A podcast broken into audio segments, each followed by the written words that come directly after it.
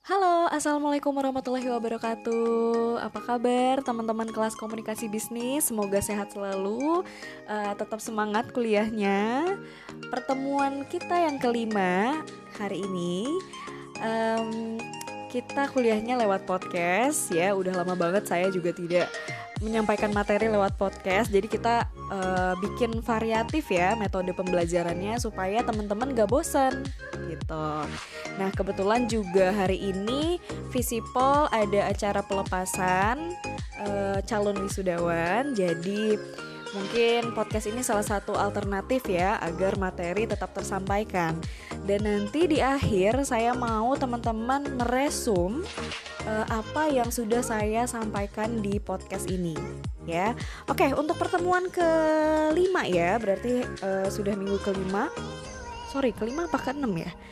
Oke, ini udah mau mendekati UTS teman-teman, gak kerasa juga ya.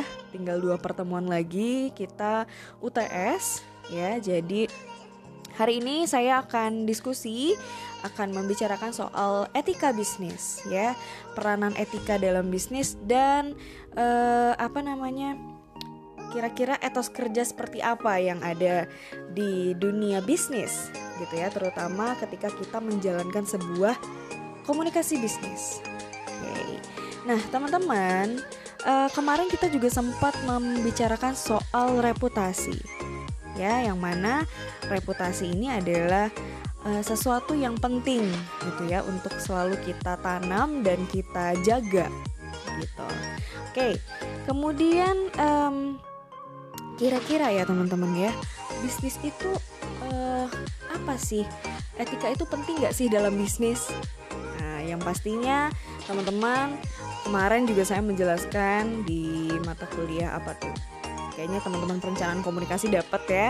Mata kuliah dasar PR dan periklanan ya. Kita juga membahas soal kode etik profesi ya atau uh, mata kuliah etika profesi ya. Nah sekarang kita coba tarik kalau misalnya dalam berbisnis itu seperti apa sih? Gitu ya. Nah, teman-teman, ada hal-hal yang perlu kita perhatikan supaya bisnis kita gitu ya. Nah, ini juga ada sangkut pautnya dengan materi kewirausahaan ya. Tapi kita sebagai komunikator bisnis, etika apa aja yang harus kita uh, tanam dan kita aplikasikan gitu ya yang memang uh, berbisnis ini gimana caranya biar kita tuh etis gitu ya. Yang pertama, jadi teman-teman jangan lupa ya, ini podcast hari ini silahkan kalian resum dengan bahasa masing-masing, kalian bisa explore uh, dengan bahasa sendiri, ya. Oke, yang pertama adalah pastinya berperilaku jujur ya, karena kredibilitas, integritas kita juga dinilai dalam menjalankan sebuah aktivitas bisnis, ya. Dan ini juga meliputi seluruh aspek dalam uh, kita menjalankan sebuah usaha atau sebuah bisnis gitu. Misalnya dalam aspek produksi, contohnya ya teman-teman. Berperilaku jujur berarti kita menghasilkan produk yang memang sesuai dengan standar kualitas gitu. Kemudian aman juga untuk dikonsumsi orang lain. Kemudian eh, kalau produk berarti dia harus memenuhi ketentuan yang memang dia dipersyaratkan oleh hukum maupun pembeli. Misalnya kita beli produk yang memang sudah ada BPOM gitu ya, sudah ada label-label halal gitu. Nah, jujur artinya di sini kita terbuka. Ya terbuka. Kemudian kita menyebutkan segala kekurangan dan bahaya yang timbul dari produk kita. Jangan sampai kalau misalnya ada bahan-bahan yang membahayakan tubuh atau membahayakan sesuatu gitu ya. Kita tidak menyampaikan itu ya. Jadi jujur dalam berproduksi ya. Jujur dalam memasarkan dan jujur dalam uh, apa namanya tindakan-tindakan hukum misalnya kita membayar pajak seperti itu ya. Nah, kemudian yang kedua adalah mentaati uh, nilai-nilai ya atau tata nilai. Ketika kita melakukan aktivitas bisnis ya, teman-teman, ada tata nilai yang memang tidak tertulis yang berlaku secara universal gitu dan memang kita harus menjalankan gitu. Nah, misalnya uh, ada nilai win-win solution ya atau nilai sama-sama untung ya kemudian uh, saling menghormati kita saling memberitahu kemudian kita mencegah kerugian dari uh, pihak lain, kemudian ada keterbukaan, ada keadilan, santun, kemudian ada pelayanan dan sebagainya. Ya. Nah, itu yang kedua, mentaati tata nilai. Kemudian yang ketiga ada yang namanya walk the talk. Ya, walk the talk. Yang berarti ini adalah sebuah makna dari konsistensi antara apa yang dilakukan dengan apa yang kita ucapkan gitu ya. Nah, hal ini berarti kalau kita misalnya menjadi seorang wirausaha atau kita menjadi seorang komunikator bisnis, kita harus uh, kerja keras untuk bisa menjadikan contoh dan menjalankan hal-hal yang positif gitu. Nah, kemudian ketika kita menjalankan aktivitas usaha, ya hal-hal uh, seperti ini bisa menjadi patokan dalam kita uh, bertindak gitu loh teman-teman ya atau misalnya kita mau membuat keputusan-keputusan ya kita akan tahu mau seperti apa gitu ya. Nah sebenarnya banyak eh, kasus-kasus uh, apa namanya bisnis yang melanggar uh, etika dalam berbisnis ya. Nanti teman-teman mungkin uh, minggu depan saya minta untuk coba cari ya kasusnya seperti apa yang melanggar uh, etika bisnis gitu ya. Nah kemudian uh, ketika kita memahami uh, etika dalam berbisnis ya teman-teman dalam kita berwirausaha ya apa pun bisnis yang kita tekuni ya usaha yang langgeng yang lama atau kita membangun perusahaan gimana caranya biar dia tuh bertahan gitu ya dia survive dia langgeng ya adalah usaha yang dijunjung oleh nilai-nilai etika teman-teman. Ya perusahaan-perusahaan yang tumbuh menjadi besar itu ada, bukan perusahaan yang diawali oleh eh, pimpinan-pimpinan uh, yang hebat yang digaji mahal ya atau misalnya dibangun oleh pendiri yang luar biasa gitu ya dan juga bukan uh, spirit wirausahaan yang gila-gilaan gitu. Misalnya dia punya keberanian yang luar biasa gitu. Dan juga bukan modal kuat atau uh, kecerdasan dari si pendirinya.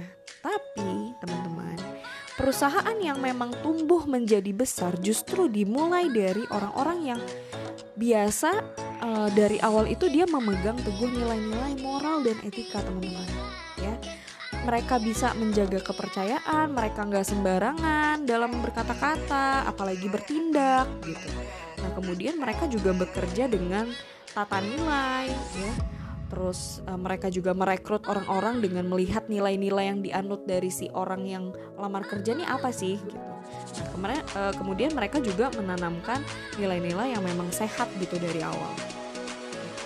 Ya. Kemudian ketika kita bahas soal etika, teman-teman juga sudah dapat ya mata kuliahnya di semester satu ya, satu ya filsafat dan etika komunikasi. Ya, etika adalah ibaratnya pedoman kita ya pedoman untuk kita mendapatkan hidup yang bernilai atau yang bermartabat gitu nah maka dari itu etika akan memberikan petunjuk tindakan-tindakan apa yang benar dan apa yang salah gitu ya teman-teman. Nah makanya dari situ selalu ada reason atau alasan kenapa kita harus pegang teguh etika. Ya jadi gitu ya teman-teman. Nah misalnya nih uh, kalau saya mengatakan saya berkata sama karyawan saya kamu datang ke kantor tepat waktu ya gitu nah itu yang saya yang saya katakan. Kemudian apa yang saya lakukan? Ya saya juga tepat waktu gitu. Tidak hanya saya mengatakan kepada karyawan saya mereka harus tepat waktu tapi saya juga tiba tepat waktu. Gitu. Dan mereka akan mengerjakan hal yang sama. Mereka akan datang tepat waktu. Gitu. Kemudian misalnya saya sebagai pimpinan saya ngomong ke karyawan saya, kamu harus bersikap positif, kamu harus mengutamakan pelanggan, ya. Ya, yang saya lakukan sebagai pimpinan ya saya harus menunjukkan sikap yang positif dan juga saya harus bisa mendahulukan konsumen gitu. Nah, kita kan jadi contoh jadinya. Gitu. Kemudian pada akhirnya mereka akan mengerjakan hal yang sama. Gitu ya. Nah, kemudian apa jadinya kalau misalnya saya uh, apa perkataan saya itu berbeda dengan apa tindak apa dari tindakan saya ya misalnya saya ngomong karyawan saya kamu datang tepat waktu ya ke kantor. Tapi yang tindakan saya adalah saya selalu terlambat. Nah, pada akhirnya mereka juga akan mengerjakan hal yang sama ya. Mereka akan uh, tepat ada yang tepat waktu ada juga yang enggak akhirnya enggak enggak konsisten gitu kan. Gitu. Nah kemudian kalau misalnya saya tadi saya bilang kamu harus bersikap positif ya di kantor. Kamu harus mengutamakan pelanggan. Tapi yang saya lakukan itu malah sebaliknya. Saya berperilaku negatif atau saya bersikap negatif kemudian saya mengutamakan diri saya dulu gitu. Nah pada akhirnya ya setengah-setengah yang mereka kerjakan gitu. Ya. Nah kemudian um, apa namanya ya teman-teman? Uh, jadi memang etika ini adalah sesuatu yang ya harus kita harus kita jalankan sebaik mungkin. Gitu ya. Nah kemudian ketika kita berbicara lagi soal uh, kasus-kasusnya ya yang memang banyak ya terutama saya mau ceritain kasusnya uh, Adam Air. Teman-teman tahu ya uh, salah satu maskapai yang sekarang udah gak ada lagi. Waktu itu saya terakhir naik Adam Air itu sekitar tahun 2011 kayaknya. Ya 2011an um, terakhir saya naik Adam Air ya. Ibaratnya mereka ini kan uh, gagal ya gagal sebagai maskapai gitu. Uh, makanya sekarang udah gak ada lagi ya. Jadi kita bisa belajar dari kegagalan uh, si Adam Air ya dulu itu tiap tahun teman-teman jumlah penumpang dari maskapai si Adam Air ini uh, puncaknya kalau nggak salah 2007 ya. Emang pesawatnya tuh bagus kok. Saya saya pernah saya pernah naik dan saya ngerasain ya pelayanannya bagus pramugarinya ramah-ramah kemudian um, saya tuh kadang menilai maskapai itu ketika dia landing atau take off mulus nggak gitu kan si pilotnya gitu. Nah kemudian harganya juga uh, terjangkau banget, merakyat banget gitu. Padahal sebenarnya fasilitasnya bagus banget gitu. Nah kemudian uh, pada puncaknya 2007 ya Adam Air itu nggak laris manis banget teman-teman. Ya ada ya sekitar uh, eh, 6 jutaan orang lah yang yang yang naik ya sekitar dalam satu tahun itu. Nah, tapi bo bobroknya, bobroknya si manajemennya, ya manajemennya ini sebenarnya yang bobrok ya, itu akhirnya berdampak pada groundednya si maskapai itu, ya. Nah, kemudian sebenarnya banyak teman-teman pelajaran-pelajaran yang bisa kita ambil dari uh, Adam Air yang waktu itu jatuh ya di perairan mana ya saya lupa. um, hampir dua bulan uh, apa namanya setelah kejadian tersebut ya si Adamer ini ya dia kan pesawatnya maskapainya dominan warna oranye ya. Warna oranye terus ada logo uh, manusia yang ada sayapnya ya yang dia kayak setengah mau terbang gitu loh ya. Nah sejak si apa namanya uh, kejadian itu ya uh, 19 Maret ya kalau nggak salah tahun 2008 ya 2008 eh berarti saya naik Adam Air itu tahun 2000 berapa ya? Emang udah lama banget sih gitu ya. Nah si pesawat Adam Air ini uh, akhirnya tidak mengudara lagi gitu. Karena uh, dibekukan izin terbangnya ya uh, apa istilahnya itu operation specification ya sama si pemerintah Indonesia. Nah selain itu karena memang banyak persoalan yang uh, masih menjadi uh, apa namanya penyelidikan hukum ya. Nah akhirnya si Adam R ini ya udah dia tinggal mengantongi tiket Airline Operating Certificate itu loh. Apa sih namanya? Izin operasional terbang ya. Yang ah, yang akhirnya ya itu menjadi sebuah ancaman ya. Dia terancam akan dicabut kalau misalnya dalam waktu tiga bulan mendatang belum ada perbaikan gitu atas masalah yang terjadi. Nah uh, kemudian apa namanya kompleks ya permasalahannya si Adam Air ini. Dia nama PT-nya itu PT Adam Sky Connection Airlines Adam Air gitu. Nah uh, kemudian banyak polemiknya gitu ya. Uh, kenapa tadi saya bilang kompleks ya? Karena uh, konsumen, regulator, pelaku industri penerbangan, kemudian karyawan ini menuding uh, yang menjadi apa namanya uh, biang keladi kejatuhan si perusahaan itu tuh karena ya bobroknya si manajemen itu juga gitu. Padahal kalau misalnya kita lihat ke belakang perkembangan bisnis si Adam Air ini sebenarnya cukup mengesankan ya. Saya juga terkesan banget sama pesawatnya karena dia salah satu maskapai pendatang baru tapi dia sudah menarik konsumen tuh banyak banget dan rata-rata pada puas gitu loh. Nah, uh, waktu di awal operasinya si Adam Air ini sekitar Desember ya 2003 uh, eh, maskapai ini tuh dia cuman menerbangkan menerban mener kenapa saya susah ini ngomongnya? Menerbangkan ya uh, sekitar dua pesawat uh, waktu itu ya. Uh, itu juga dia nyewa ya nyewa ke Capital Efficient Service uh, kemudian di 2008 akhirnya dia uh, dikuatkan oleh uh, dia nambah unit ya dua, dua ada sekitar 22 pesawat lah waktu itu. Nah, itu juga belum termasuk gambaran jumlah penjualan tiket yang laris manis itu, teman-teman. Ya. Nah, kemudian uh, dulu ada berdasarkan data ya teman-teman ya dari uh, Direktorat Angkatan Udara dulu tahun 2004 uh, penumpang domestik Adam Air ini dia menggunakan 5 armada. Sekitar 400 ribuan orang lah gitu. Nah uh, tahun 2005 dia didukung sekitar 15 armada ya kemudian naik lagi tuh penumpangnya ya penumpang domestik sekitar 2 jutaan ya. Kemudian internasional sekitar 100 orang 106 ribu orang. Kemudian tahun 2006 naik lagi ya penumpang domestiknya 4 juta 800 ya. Kemudian dia juga buka kargo ya kargonya sekitar ada 16 ribu ton. Kemudian 2007 dia naik lagi. Ini bisa dibilang ini puncak pertumbuhan si Adam Air selama lima tahun terakhir ya. Jumlah penumpangnya sekitar 6 juta 200 orang ya. Kemudian internasional ada 120 ribu orang dan uh, armada pesawatnya itu ada 22 ya. Nah kemudian kenapa perusahaan penerbangan yang uh, apa namanya dibesut ya dulu oleh pasangan uh, Suherman dan San Sandra Ang ya waktu itu ya sekarang kolaps Nah, di dalam kasus Adam Air ini, penyebab kegagalan terbesar adalah faktor internal sebenarnya, teman-teman. Ya. Nah, sementara faktor eksternalnya adalah trigger, trigger atau uh, apa namanya pemicu ya, pemicu yang mempercepat uh, kegagalan tersebut. Gitu.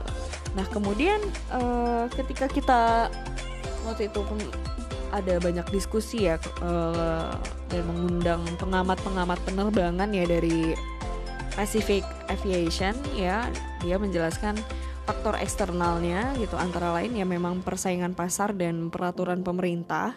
Kemudian uh, faktor internalnya ya meliputi soal SDM, sumber daya manusia dan organisasi si perusahaan ya gitu. Kemudian ada masalah finansial juga, ada masalah teknis, ada masalah operasional. Wah, makanya tadi saya bilang sangat kompleks gitu. Nah, sebagai perusahaan yang didirikan, kemudian dimiliki dan dijalankan oleh sebuah keluarga gitu kan ini milik milik keluarga ya pasangan si siapa tadi Sandra Ang ya. Uh, ada Mary ini yang memiliki gaya manajemen yang manajemennya pada akhirnya manajemen keluarga gitu loh. Ya. Uh, anggota senior dalam keluarga cenderung pada akhirnya lebih dominan terhadap anggota keluarga yang lebih junior gitu. Terutama ketika mengambil keputusan. Gitu. Nah, Bahkan kabarnya ya peran si ibunya Adam Aditya Suherman ini ya si Sandra Ang ini sebagai komisaris kan dia tuh. Nah dia tuh lebih dominan pada akhirnya ketimbang si Adamnya gitu si Adam Aditya Suherman ini yang menjadi presdir Adam Air gitu ya. Nah kemudian si Sandra ini juga uh, menjadi tokoh kunci ya kunci yang mengatur semuanya gitu dari hal-hal kecil sampai hal-hal yang besar gitu. Misalnya uh, ada pengembalian uang tiket nih dari hasil penjualan yang nggak disetorin ke rekening. Nah itu diinstruksikan oleh si Sandra gitu untuk uh, dikirimin ke rumahnya gitu di Jakarta waktu itu ya. Nah kemudian selain itu uh, ketika misalnya ada rekrut karyawan nih gitu, dia juga banyak berperan gitu tanpa melihat kompetensi si calonnya Nah, uh, ibaratnya ada direksinya tapi si direksinya ini boleh dibilang akhirnya cuman bonekanya aja gitu. Nah konyol kan pada akhirnya gitu. Nah ini lebih konyol lagi si Sandra ini itu berperan dalam penentuan pemberangkatan pesawat. Nah kebayang gak tuh? Ya ini dibuktikan dengan kacau balaunya waktu itu proses maintenance ya karena uh, anak sulungnya ya si Rusman Suherman ya dia ada apa namanya bahasanya tuh apa ya ada ikut cawe-cawe itu loh apa sih? Mbak susah juga ya menjelaskan bahasanya ya. Nah pokoknya intinya si Rusman Suherman ini kan dia komando tertinggi tuh harusnya ada di tangan direktur ya direktur teknik ya. Nah um, tapi kenyataannya si uh, direktur tekniknya ini nggak bisa ngambil keputusan gitu. Karena kalau misalnya dia nggak dapat lampu hijau dari uh, apa namanya si Rusman ini gitu. Dan si Rusman ini posisinya apa karena tidak ada dalam uh, struktur organisasi ya pada akhirnya susah gitu. Nah karena apa yang ada di mata keluarga ini ya yang punya kan keluarganya Suherman ini ya selalu dinilai dengan uang uang dan uang gitu untuk mengeruk kekayaan. Gitu nah uh, waktu itu apa namanya mantan pilotnya Adam Air ya dia sampai nggak habis pikir teman-teman kenapa sih perusahaan penerbangan yang memang dikelola manajemen ini jadi amburadul? Gitu ya. Uh, padahal sebenarnya kemarin-kemarin ini bisa maju loh gitu dalam beberapa waktu. Gitu. Nah kemudian pada akhirnya ya kita kaget dan kagum tapi sekaligus kaget gitu dengan gaya manajemennya si Adam Air ini gitu ya. Nah, kemudian ada juga beberapa penyimpangan lah dari pengelolaan si Adam Air ini gitu ya. E, contohnya kayak ada kontrak kerja karyawan yang dianggap akhirnya menyalahi aturan ketenaga kerjaan gitu. Kemudian manajemen juga selalu memberi janji-janji muluk gitu.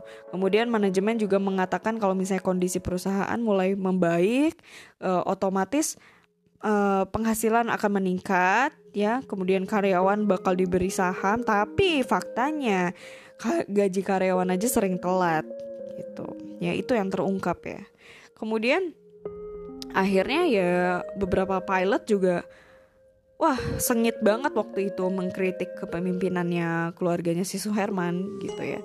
Nah, pemilik uh, maskapainya Adam Air ini bisa dikatakan dia akhirnya modalnya tuh kayak cuman modal coba-coba gitu loh teman-teman dalam membangun bisnis gitu. Apalagi bisnisnya bisnis penerbangan gitu kan. Wah, gitu. Nah, kemudian uh, akhirnya ya nggak bisa dipungkiri bisnis air apa namanya pesawat ya merupakan prestis tersendiri toh bagi keluarganya si yang punya ya si Suherman ini gitu. Uh, ya jangan salah sebenarnya yang menutup Adam Air itu ya sebenarnya pemiliknya sendiri gitu. Jadi bukan semata-mata di grounded pemerintah dan tidak meraih profit gitu.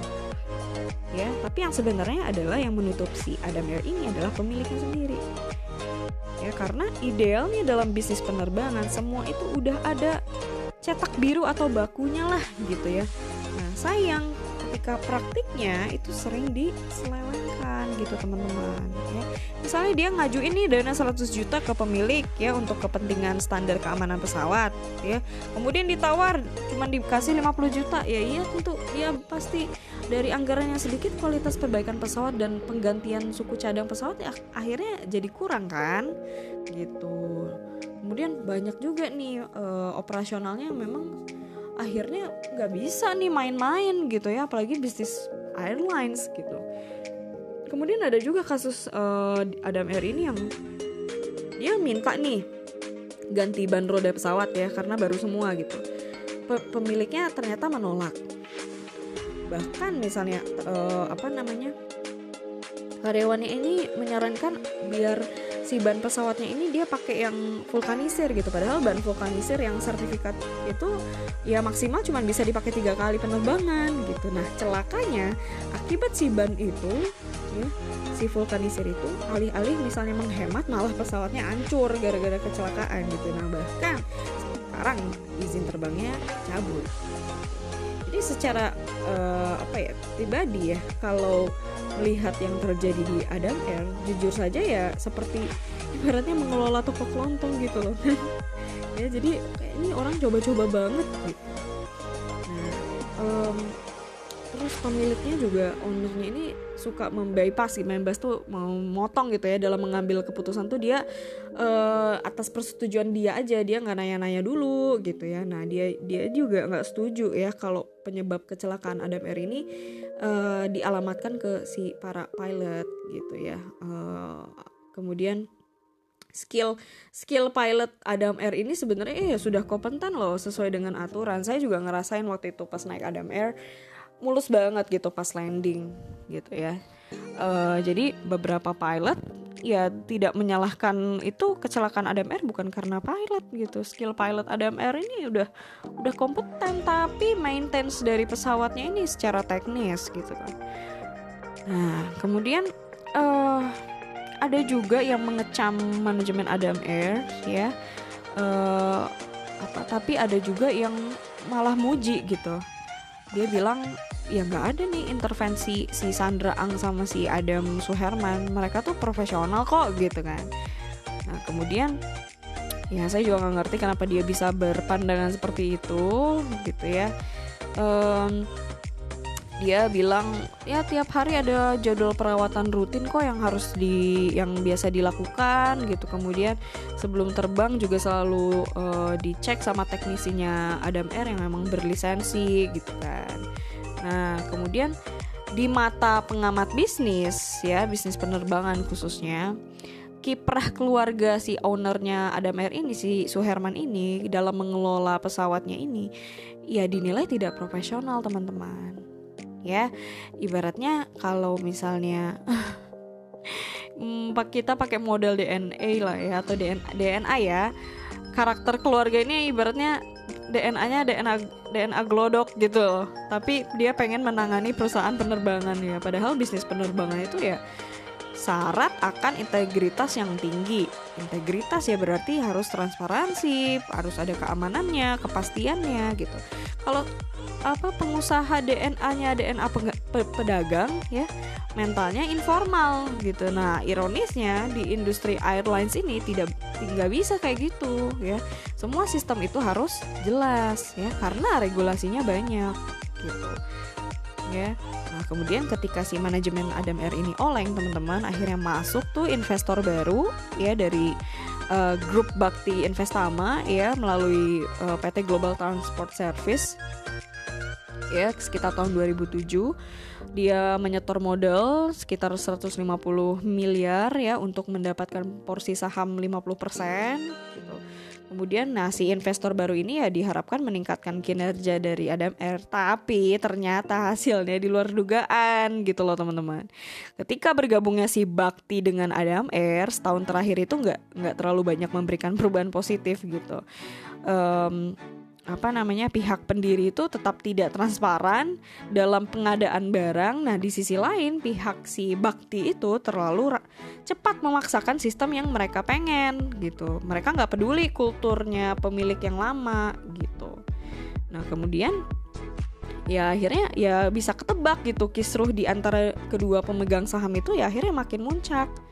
Nah, buntutnya keluarga si Suherman ini dilaporin sama si Bakti karena telah menggelapkan uang gitu. Misalnya uh, penjualan tiket tercatat misalnya satu 1,1 triliun triliun gitu ya. Kemudian uang yang masuk ke rekening perusahaan cuman uh, satu satu triliun. Nah satu satunya lagi itu ke mana ya? Nah kemudian pembelian suku cadang misalnya senilai 120 miliar itu nggak bisa dipertanggungjawabkan Kemudian tahun 2005 ada lagi si Adam R ini ketahuan dia nggak bayar pajak. Pajaknya ada sekitar 15,20 miliar yang nggak dibayar. Nah kan terlepas dari carut marutnya manajemen Adam R ya harus diakui uh, maskapai itu uh, sebenarnya ya telah berhasil membentuk citra ya teman-teman sebagai salah satu low cost carrier ya LCC terbaik di, di Indonesia sehingga dia bisa menjadi salah satu pemain yang kuat di jalur di jalur penerbangan domestik tapi jumlah angkatan penumpangnya yang tinggi itu tidak diimbangi teman-teman dengan biaya operasional penerbangan yang rendah. Hasilnya adalah lebih besar pasak daripada tiang gitu. Nah, dari kasus kegagalan bisnis si Adam Air ya sebagai LCC atau low cost carrier, pertama, maskapai penerbangan yang menjual tiketnya dengan tarif murah ya dia harus memperhatikan juga. Kemudian dia harus menjaga juga agar biaya operasional penerbangan ya tetap rendah gitu. Karena cuman maskapai penerbangan yang punya struktur biaya operasional paling rendah yang bakal mem, yang bakal menang dalam persaingan gitu. Kemudian yang kedua, uh, sumber daya manusia yang berpengalaman atau yang kompeten, yang profesional itu adalah aset terbesar teman-teman dan terpenting dalam bisnis penerbangan. Ya, kemudian dia juga menentukan maju mundurnya perusahaan penerbangan. Dan yang terakhir adalah peran pemerintah itu teman-teman sebagai regulator ya atau pengontrol perusahaan penerbangan ya harus benar-benar dijalankan secara konsisten tanpa pandang bulu mau dia siapa gitu dia harus tetap konsisten. Nah, yang jelas untuk kita menjadi bisa menjadi maskapai teladan, ya ini pelajaran juga untuk maskapai-maskapai yang lain dalam industri penerbangan di Indonesia ya ada beberapa aspek yang memang harus dipenuhi gitu. Dari sudut pandang konsumen, ya harus memiliki standar keamanan, standar keselamatan, pelayanan yang tinggi, tarif yang terjangkau gitu. Kemudian kita lihat dari sisi karyawan seperti apa ya, dia wajib memiliki standar kesejahteraan.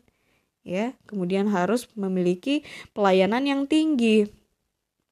Ya, atau dia harus melakukan komunikasi dua arah secara sehat gitu. Kemudian kalau kita lihat dari sudut pandang pemerintah ya pemerintah harus menegakkan peraturan yang berlaku. Ngono teman-teman ya. Jadi banyak sekali sebenarnya uh, perusahaan-perusahaan yang uh, secara etika bisnis belum baik gitu ya. Nah, ini menjadi bisa menjadi studi kasus dan bisa juga menjadi bahan penelitian ya teman-teman ya. Nah, tapi sejauh ini ya uh, Mbak menyampaikan sampai situ ya teman-teman. Kalau misalnya ada yang mau menambahkan ada yang mau meresum kemudian silahkan kalian kembangkan dengan bahasa masing-masing ya. E, kemudian nanti ketentuan pengerjaannya nanti saya kirim ya di grup Oke, jadi pembahasan kita mengenai etika bisnis uh, kita cukup cukupkan sampai di sini ya. Semoga bermanfaat dan bisa teman-teman dengarkan ini ya karena ini bentuknya podcast. Jadi kalian bisa mendengarkan ini kapan pun dan di mana pun ya. Durasinya cuma setengah jam ya. Uh, kak, mungkin agak lama ya daripada yang biasanya saya podcast cuma 20 menit ya. Tapi ini karena saya menerangkan ada beberapa kasus dan kemarin ini minggu lalu kita juga kuliahnya ini ya depending ya karena ada beberapa acara yang tidak bisa ditinggalkan. Jadi silahkan teman-teman meresum hasil apa yang uh, ada di podcast uh, saya ini. Kemudian kalian juga bisa mencari ya, mencari uh, kasus apa yang melanggar etika bisnis. Oke, gitu aja teman-teman. Terima kasih. Uh, semoga tetap semangat dan selalu jaga kesehatan. Assalamualaikum warahmatullahi wabarakatuh. Bye bye.